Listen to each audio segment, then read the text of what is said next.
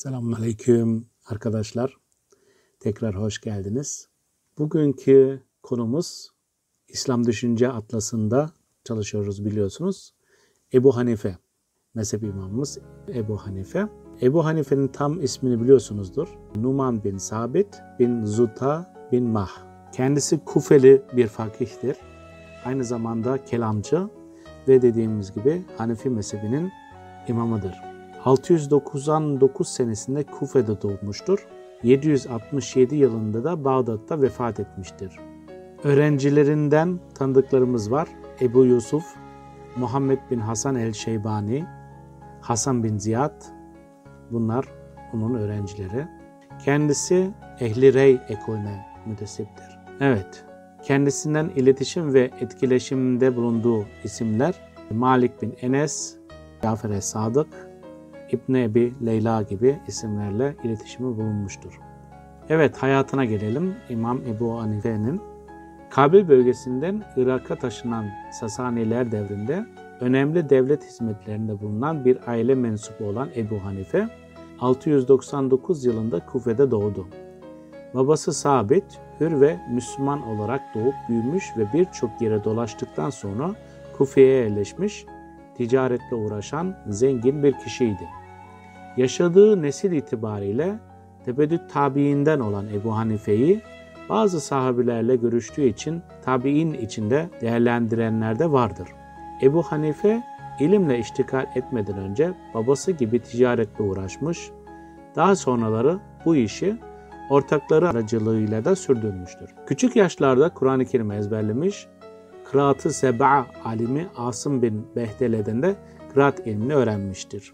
Ebu Amr Eşşa'bani'nin tavsiyesi üzerine ilim tahsiline başlayan Ebu Hanife, önce akaid ve cedel ilimlerini öğrenmiş ve o dönemde Irak bölgesinde yaygın olan inkarcı ve bidatçılarla tartışmalara girmiştir. İslami ilimlerin henüz birbirlerinden net çizgilerle ayrılmadığı ve müstakil disiplinler haline gelmediği bu dönemde Ebu Hanife'nin belli bir tarihten itibaren fıkıhla daha çok ilgilenmeye başladığı ve Hamad bin Ebu Süleyman'ın derslerine devam ettiği anlaşılmaktadır. Kufe, Rey ekolünün üstadı konumundaki Hamad'ın mensup olduğu ilmi çizgi, hocası Nehai üzerinden tabiinin ileri gelenlerine de ve onların aracılığıyla Hazreti Ömer ile Hazreti Ali gibi sahabilere kadar uzanmaktadır. Ebu Hanife hocasının Hicri 120 yılındaki vefatına denk derslerine devam etmiş, arkadaşları ve diğer öğrencilerin ısrarları üzerine hocasının ardından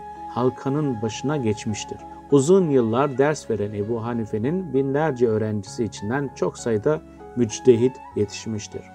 Ebu Hanife'nin ömrünün büyük bir kısmı Emeviler, son 18 yılı Abbasiler dönemine denk gelmiştir. Ehli Beyt'e duyduğu muhabbetle Emevilerle Hazreti Ali soyundan gelenler arasında yaşanan mücadele döneminde pek çok alim gibi onların tarafında yer almıştır. Son Emevi halifesi 2. Mervan'ın kadılık teklifini reddetmesi üzerine hapse atılmış ve darp edilmiştir.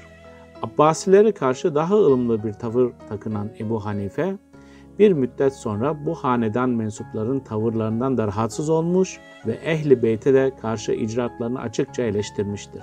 Halife Mansur'un Bağdat kadılığı teklifini kabul etmeyince yine hapse atılmış ve işkenceye uğramıştır.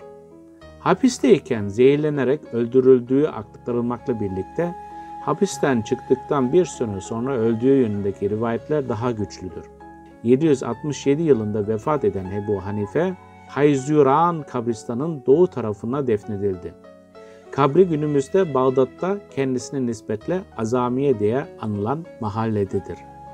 Öğretisi 80 ila 150 yılları arasında yaşayan Ebu Hanife, İslami ilimlerin henüz birbirlerinden keskin hatlarla ayrışmadığı ve müstakil disiplinlere dönüşmediği bir dönemde faaliyet göstermiştir. Onun çalışmaları özellikle fıkhın müstakil bir ilim olarak doğuşu ve muhtevası kazanış süreci bakımından önem arz eder.